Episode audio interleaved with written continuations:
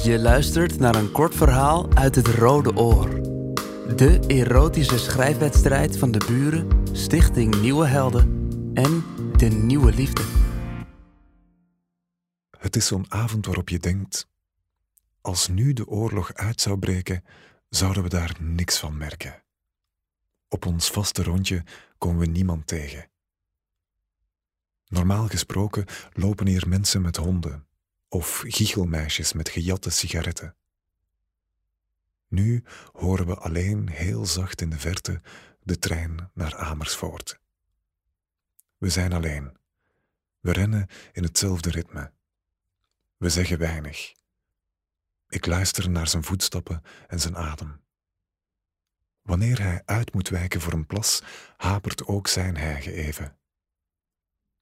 Hij is zo iemand die vogels kan herkennen aan het geluid dat ze maken. Voor mij fluiten ze allemaal hetzelfde. Nu schuilen zelfs de vogels voor de regen. Dus heb ik ook niks te vragen. Bij de achterdeur blijven we op één been staan op de mat, met één hand leunend tegen de muur, om onze sportschoenen uit te trekken. Alles is nat ook onze sokken. Een klein stukje van de ondergaande zon piept tussen de donkergrijze wolken door. Hij is het eerst klaar, gaat op blote voeten naar binnen, pakt een appel van de fruitschaal en loopt naar de badkamer. Jij mag na mij, roept hij over zijn schouder. Hij haalt een hand door zijn haar. Waarom zweet hij altijd minder dan ik? En doet de deur achter zich dicht. Ik vergeet altijd wat het verschil is tussen Coca-Cola Light en Coca-Cola Zero. Of is er geen verschil? Terwijl ik het blikje openmaak en aan mijn lippen zet, kijk ik naar de badkamerdeur. Door het gebobbelde glas zie ik de vorm van zijn lichaam. Hoe hij zich uitkleedt, bukt om zijn sportbroek op te rapen van de vloer. Hij vouwt zijn kleren netjes op en legt ze op een stapeltje op de wasmachine. Ik drink met grote slokken. Hij stapt het bad in en draait aan de knop van de douche. In de keuken slaat de gijzer aan. Ik weet hoe zijn lijf eruit ziet. Ik heb het vaak genoeg gezien. Ook al zie ik nu alleen de contouren. Ik hoef geen moeite te doen om de details zelf in te vullen de rechte rij van tanden die nooit gaatjes hebben, zijn brede gezicht dat altijd fronst maar nooit boos is, zijn hals waar soms rode vlekken in verschijnen, het kuiltje tussen zijn sleutelbeenderen, de haren rond zijn tepels.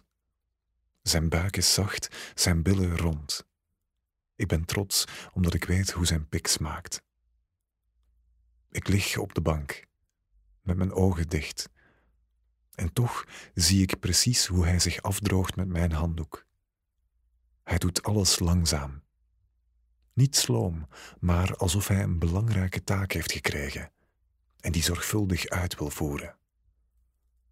Ik trek me af, rustig, zoals hij het altijd doet.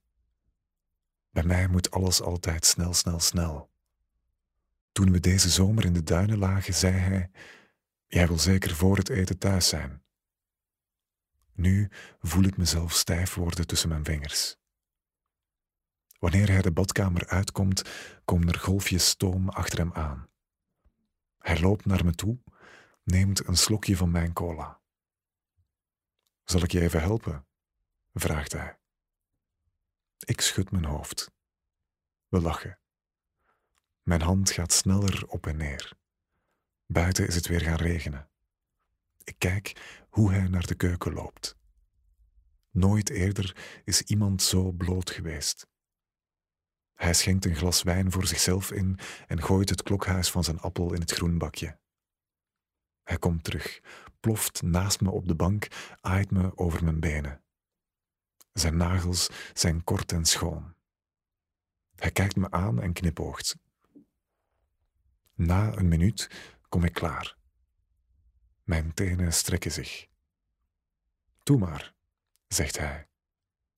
En ik weet dat dit de waarheid is. Hij, de cola en de wijn. het zaad dat warm landt op mijn buik en de regen. Mijn naam is Rashid Elkawi en dit verhaal is geschreven door Job Kramer, een van de deelnemers van het Rode Oor 2021. Je luisterde net naar een kort verhaal uit het Rode Oor. De erotische schrijfwedstrijd van het Vlaams-Nederlands Huis de Buren, Stichting Nieuwe Helden en De Nieuwe Liefde. Op de buren.eu slash het Rode Oor vind je meer informatie over het project, over de wedstrijd en kan je alle erotische verhalen van het Rode Oor lezen en luisteren. Het Rode Oor is onderdeel van het project Yes Please, een initiatief van Stichting Nieuwe Helden.